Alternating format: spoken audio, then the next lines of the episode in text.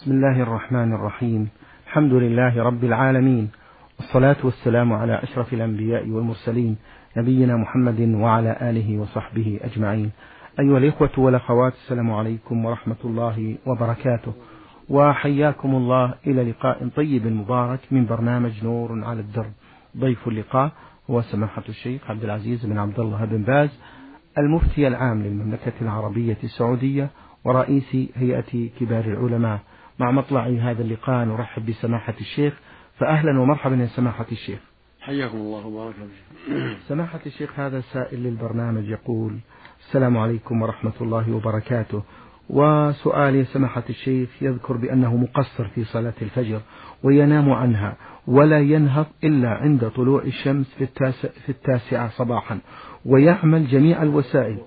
يقول بأنه مقصر في صلاة الفجر وينام عنها ولا ينهض إلا عند طلوع الشمس في الساعة التاسعة ويعمل جميع الوسائل ولكن بدون فائدة ولا أشعر بذلك وأشعر بعد ذلك بالحزن والضيق فأرجو من سماحتكم توجيهي إلى ما فيه الخير.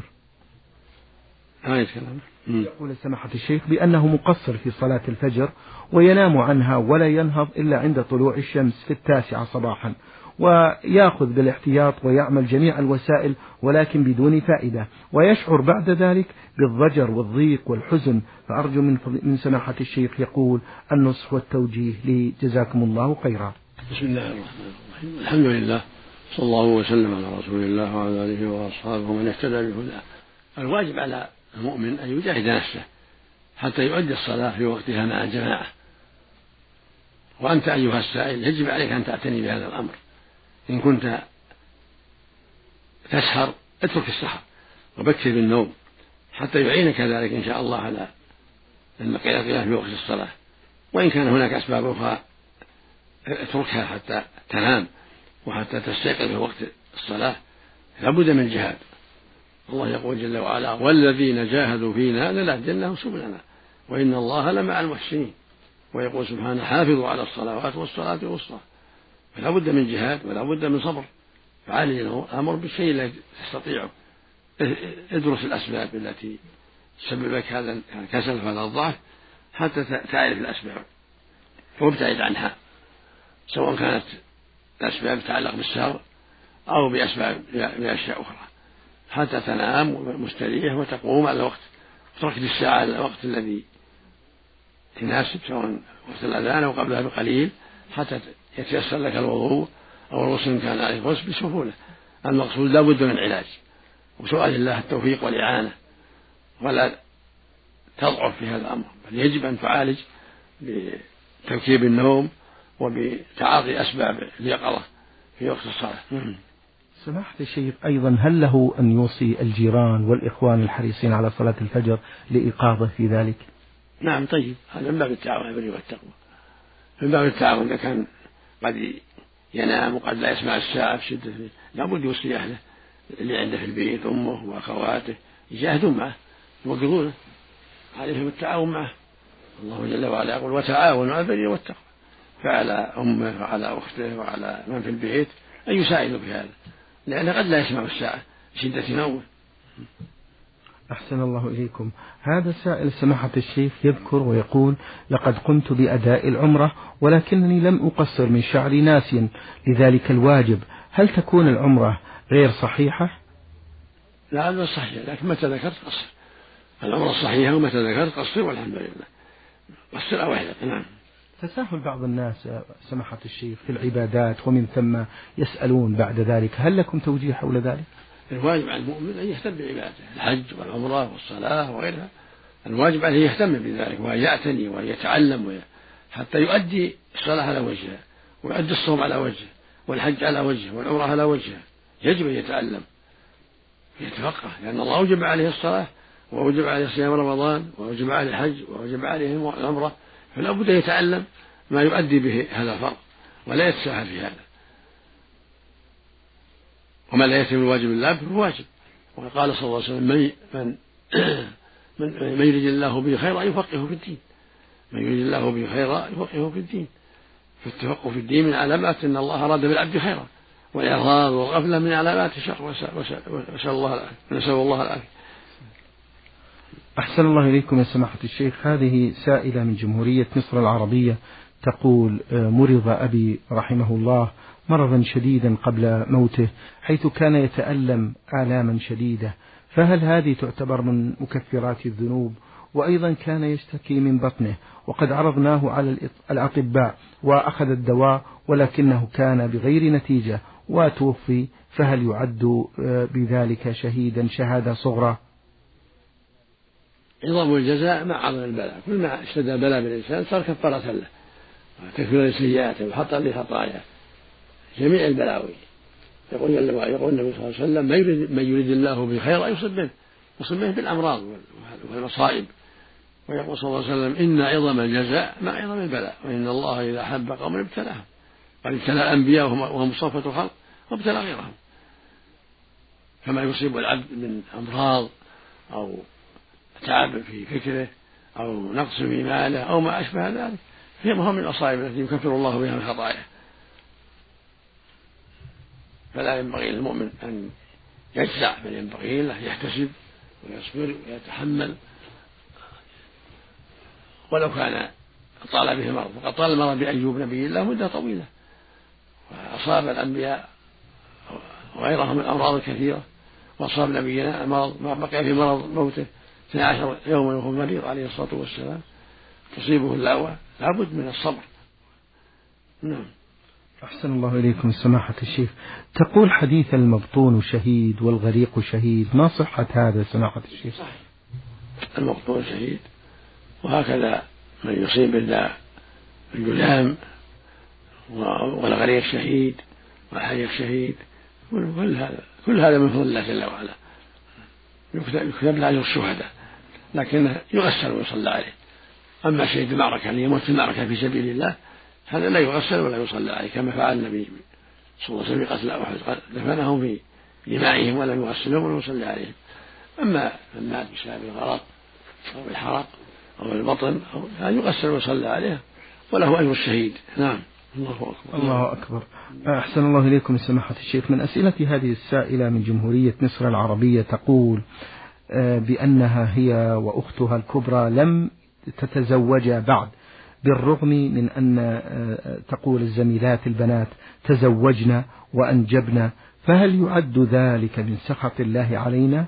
حيث تقول أنا وأختي الكبرى لم نتزوج بعد بالرغم من أن زميلاتنا البنات تزوجنا وأنجبنا فهل يعد ذلك من سخط الله علينا؟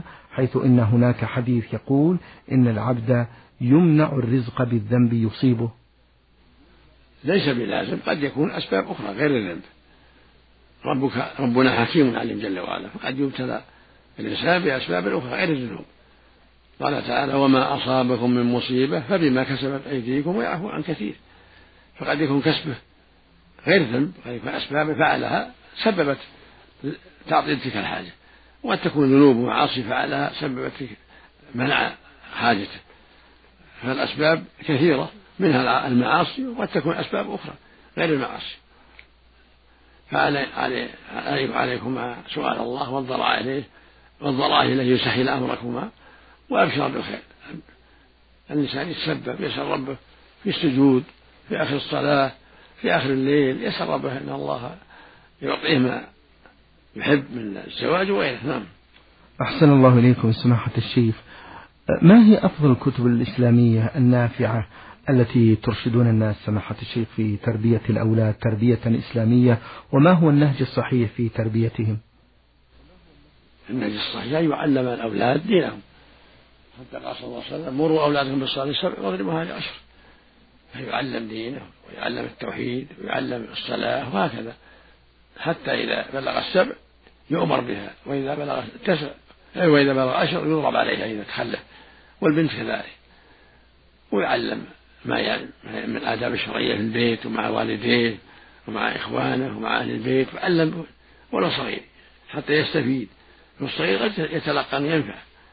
يعلمه يسلم يعلمه يحترم أمه يحترم أباه يعلمه يعلمونه حتى لا يعبث يكسر شيء أو يتلف أشياء أو يفسد أشياء كالبول في الطعام أو صب التراب على الطعام أو ما أشبه ذلك مما قد يقع. فيعلم كل ما ينفع. يعلم أبوه يعلم أمه يعلم غيرهم من أخوانه الكبار وخالاته وعماته ونحو ذلك. أحسن الله إليكم سماحة الشيخ. هذا السائل الذي رمز لاسمه بحاء راء عين يقول لي مجموعة من الأبناء والبنات ولم أعق عنهم عقيقة واحدة عند ولادتهم. جهلا مني. والآن هل يلزمني يقول لي مجموعة من الأبناء والبنات؟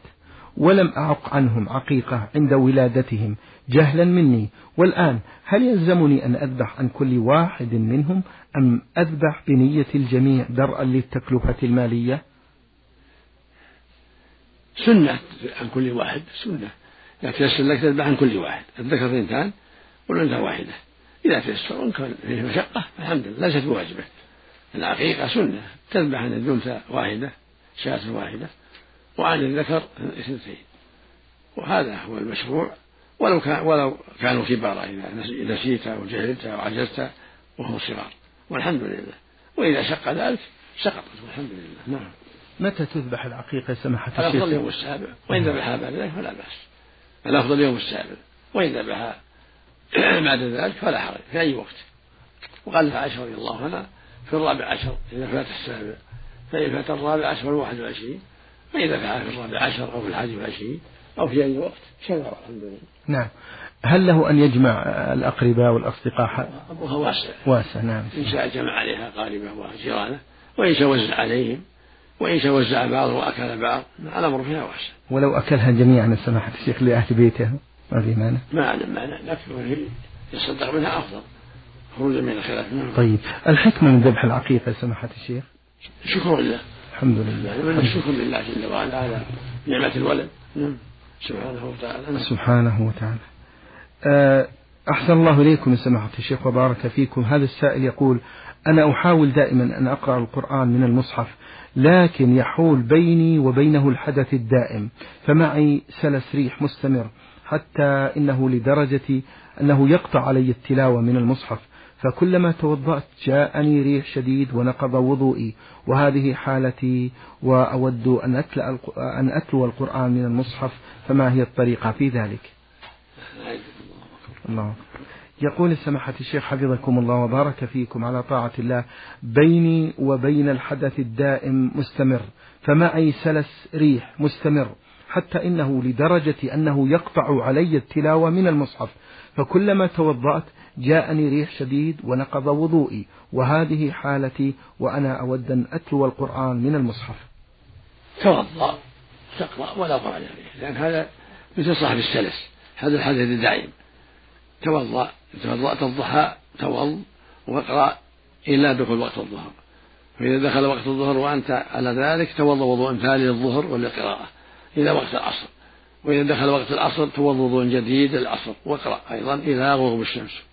وإذا غربت الشمس توضأ لصلاة العصر والقراءة لصلاة المغرب والقراءة حتى يغيب الشفق. فإذا غاب الشفق توضأ وضوء جديد للصلاة وللقراءة والقراءة تستمر فيها إلى الليل كله لأنه وقت قراءة. ولا ولا حرج. ولو خرج منك ريح لأنك مصاب بالسلس سلس الريح. فاتقوا الله ما استطعتم. والمقصود أنك إذا توضأت في وقت الصلاة تقرأ ما دام الوقت. كما أنك تصلي ما دام الوقت ولو خرج شيء. وفي الليل الليل كله وقت. إلى نصف الليل وقت اختيار وبعده وقت ضرورة. فلك أن تقرأ في الوضوء في أول الليل وفي آخره. أما الصلاة فلك أن تصلي إذا توضأت قبل نصف الليل نعم. هذا السائل ميم عين ألف يقول سماحة الشيخ بأنه شاب كان يعمل بشركة من الشركات ولكن يقول فوجئت من أن الشركة قد خصمت علي أشياء بدون وجه حق. هذا من ناحية. ومن الناحية الأخرى قدمت أعمالا أستحق عليها المكافأة ولم يعطوني إياها فاضطررت إلى أن أعمل ما يألي. عندما كنت أشتري أي آه، أشياء للشركة كنت أحصل على خصم كبير من أصحاب المحلات.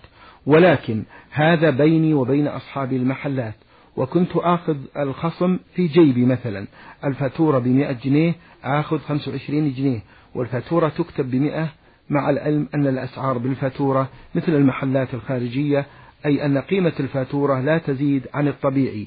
ولكن الذي يحدث هو زيادة الخصم لكثرة الشراء ولا يكتب الخصم بالفاتورة.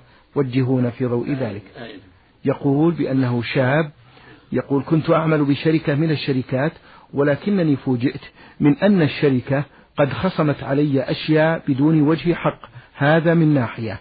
ومن الناحية الأخرى فعلت أعمالا أستحق عليها المكافآت ولم يعطوني إياها فاضطررت, فاضطررت إلى أن أعمل ما يلي. عندما كنت أشتري أي شيء للشركة كنت أحصل على خصم كبير من أصحاب المحلات ولكن هذا بيني وبين أصحاب المحلات. وكنت آخذ الخصم في جيبي مثلا. الفاتورة تكتب بمئة جنيه آخذ خمسة وعشرين جنيه. والفاتورة تكتب بمئة مع العلم أن الأسعار بالفاتورة مثل المحلات الخارجية أي أن قيمة الفاتورة لا تزيد عن الطبيعي. ولكن الذي يحدث هو زيادة الخصم لكثرة الشراء ولا يكتب الخصم بالفاتورة. الواجب عليك أن تحاسبهم وأن تخاصمهم حتى يكون الأمر بينا. أما الخصم هذا قد يزيد وقد ينقص وقد تكون متساهلا فيما تدعي أنه حق لك. فالواجب عليك أن تكون المسألة بينك وبينهم من جهة الصلح بينك وبين واسطة من يتيسر من المصلحين أو واسطة المحكمة.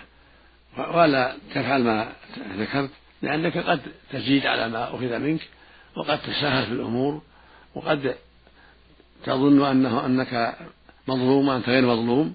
فالواجب أنك تحاسبهم بالمناقشة بينك وبينهم وبواسطة المصلحين والأخيار أو بواسطة المحكمة إن دعت الحاجة الخصومة. هذا هو الواجب عليك حتى لا تأخذ إلا حقك. أحسن الله إليكم سماحة الشيخ. أبو معاذ من الرياض يقول سماحة الشيخ أرجو التفضل بالإجابة على هذه الأسئلة. جزاكم الله عنا وعن المسلمين خير الجزاء. هل في البيوت المعدة أصلا للإيجار زكاة؟ وهل في البيوت الغير معدة أصلا للإيجار زكاة؟ ليس فيها زكاة. الزكاة الأجرة. إذا بلغت النصاب وحال عليه الحول أما البيت ما في زكاة ما دام معدل الأجرة أو لم يعد للأجرة ولا للبيع ما في زكاة. إنما الزكاة إذا كان البيت أو الأرض معدة للبيع. فهذه تزكى والأرض البيت يزكى إذا حال عليه الحول بحسب قيمته. أما إذا كان معدل الأجرة أجر. إن جاء أجرة أجر. فلا فلا يزكي إلا الأجرة إذا بقت الأجرة عنده حتى على عليها الحول يزكيها إذا كانت تبلغ النصاب. أما إذا كانها قبل أن يتم الحول أو تصرف ما فيها فلا زكاة فيها.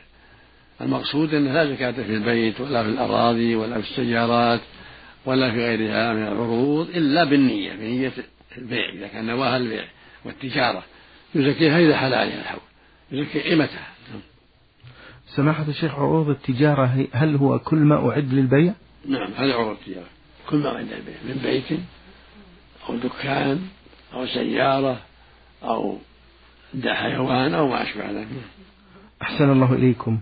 هل يجوز الحلف بهذه العبارات التالية ورب الكعبة؟ نعم. ورب المصحف؟ نعم. وحياة النبي حرام بالله؟ النبي نعم. حياة النبي ما أصلح. رب الكعبة رب البيت ما يخالف أما حرم النبي أما حياة النبي الإنسان مخلوق ما يجوز. الرسول صلى الله عليه وسلم من كان حالفا فليحلف بالله وليصمت وقال صلى الله عليه وسلم من حلف بشيء دون الله فقد أشرك. يكون حلف بالله أو بأسمائه وصفاته. أما الحلف بحياة النبي أو بالنبي أو بالأمانة أو بشرف فلان كل هذا لا يجوز. أه بعض الناس عندهم عبارة يرددونها يقول الله يحرمني أهلي إن كنت كاذبا. هذا دعاء. يحرمني أهلي هذا دعاء. هو هو ظهار يعني الله يحب بيني وبينهم بموت أو غيره هذا دعاء. على نفسه وعلى أهله. نسأل الله السلامة. نعم. حرام بالله؟ إيش؟ حرام بالله إيش؟ أي يقول هذا يتردد. حرام بالله أن تعمل كذا. هذا معناه عليه حرام يعني. هذا يكون في كفرة يمين إذا ما نفذ أن يقع له. عليه كفارة يمين إذا قال حرام بالله أن تقوم ولا قام عليه كفارة يمين حرام بالله أن تأكل طعام ولا أكل عليه كفارة يمين لقول الله سبحانه يا أيها النبي لما تحرم ما تبتغي مرضات أزواجك والله غفور رحيم. قد فرض الله بتحلة أيمان. جاء قال جماعة من المفسرين نزلت في العشر. وقال بعضهم في تحريم جارية. فأمره الله يكفر عن يمينه. نعم. جعل التحريم يمينا. تحريم الجارية أو الطعام. أو أو أو ركوب الدابة أو ما أشبه ذلك. يكون حكم حكم اليمين. قال عليه حرام أركبها علي الحرام ما أكل ما أكل الطعام علي الحرام ما أجلس يكون حكم حكم اليمين. أحسن الله إليكم. في آخر أسئلة أبو معاذ من الرياض يقول سماحة الشيخ ماذا على الإمام إذا سهى وقرأ في الصلاة السرية؟ لا يقول ماذا يجب على الإمام إذا سهى وقرأ في الصلاة السرية؟ وإن جلس وإن جلس فلا بأس لأن الجهر والإخفاء سنة. فلو جهر في السرية لم يضر. كان النبي صلى الله عليه وسلم يسمعهم الآية في السرية بعض الأحيان. فلو جهر ناسيا فلا شيء عليه لكن إذا سجد للسهو فهو أفضل. أحسن الله إليكم سماحة الشيخ وبارك فيكم. هذا سائل البرنامج أرسل بمجموعة من الأسئلة من الأردن. عبد الحافظ يقول يقول في السؤال الأول هل يجوز التسبيح باليدين أم باليد اليمنى فقط؟ وإن كان فقط باليد اليمنى فأرجو توضيح الأسباب. جزاكم الله خيرا. يقول هل يجوز التسبيح باليدين أم باليد اليمنى فقط؟ وإن كان فقط باليد اليمنى فأرجو توضيح الأسباب. لا بأس بالتسبيح باليدين كما قال صلى النساء يقضن بالأنامل واليد اليمنى أفضل كما جاء منه كان يسبح بيمنى عليه الصلاة والسلام.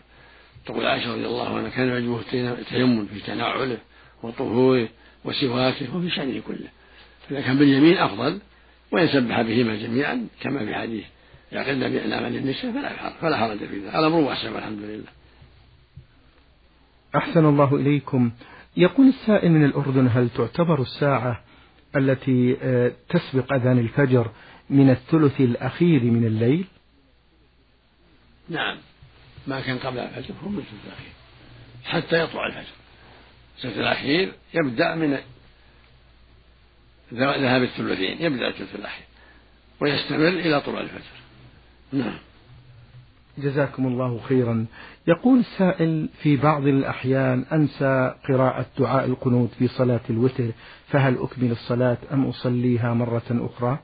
ما هو لازم دعاء القنوت مستحب لو رفع رأسه من الركعة الأخيرة الوتر ثم سجد ولم يقل فلا بأس. القنوت مستحب فقط ما هو لازم. فلو فعله بعض الأحيان ترك بعض الأحيان فلا بأس. القنوت مستحب وليس بواجب نعم.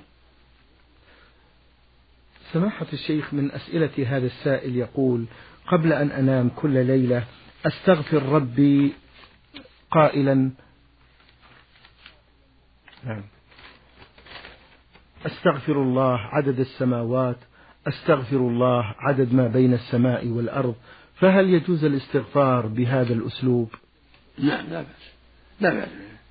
يستغفر عم أستغفر الله عدد السماوات عدد كل شيء.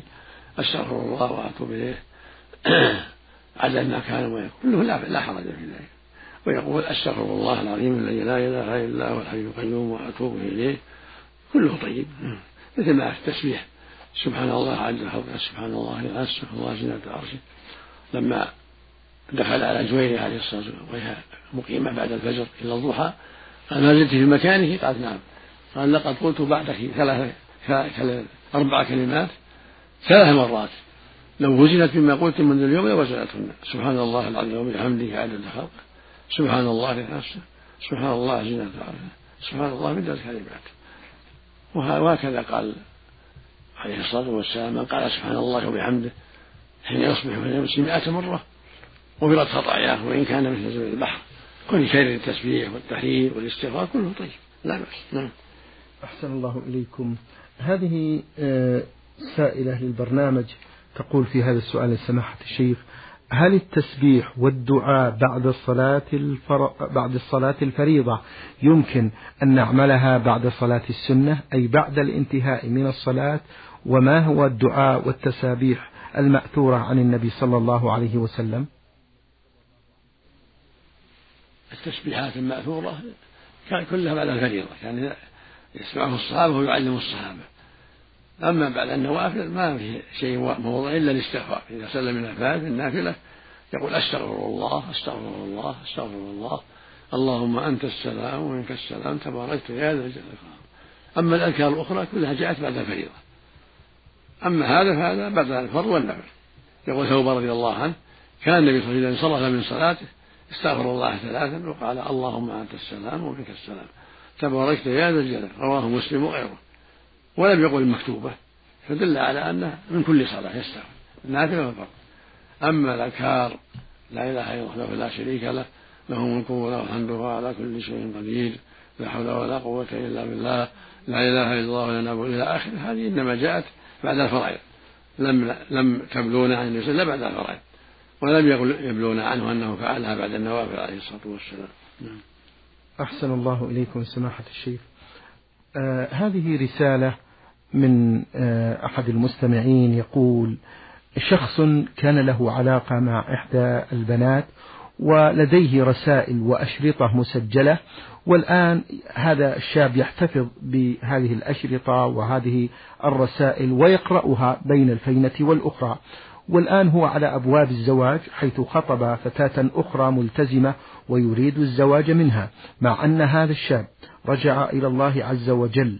وتاب إليه من هذه المعاصي ولكن يقول السائل هل في قراءته لتلك الرسائل وهذه والاحتفاظه واحتفاظه بتلك الأشرطة هل يأثم بذلك؟ سماحة الشيخ؟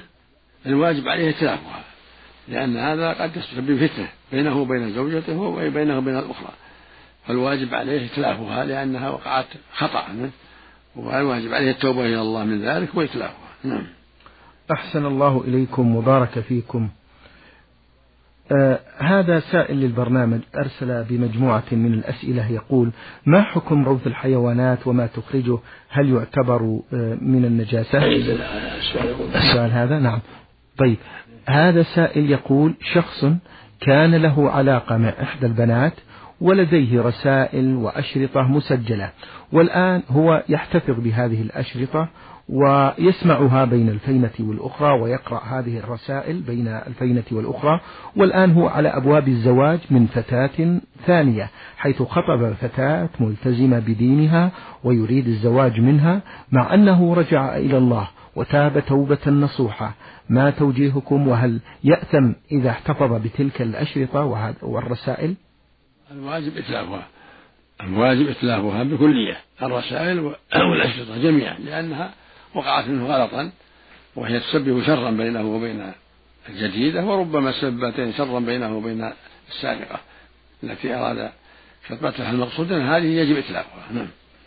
قبل أن نختم هذا اللقاء ما توجيه سماحتكم للفتيات والشبان في هذه الحياة سماحة الشيخ؟ الواجب على كل شاب وشاب الحذر من هذه الوسائل.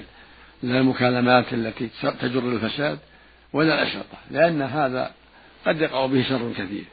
قد يفضي إلى الزنا فالواجب على الشاب والشابة ترك المكالمات الهاتفية والحذر منها وعلى جميع النساء وعلى جميع الرجال. الواجب الحذر من هذه الأشياء التي تجر إلى الشر والفساد.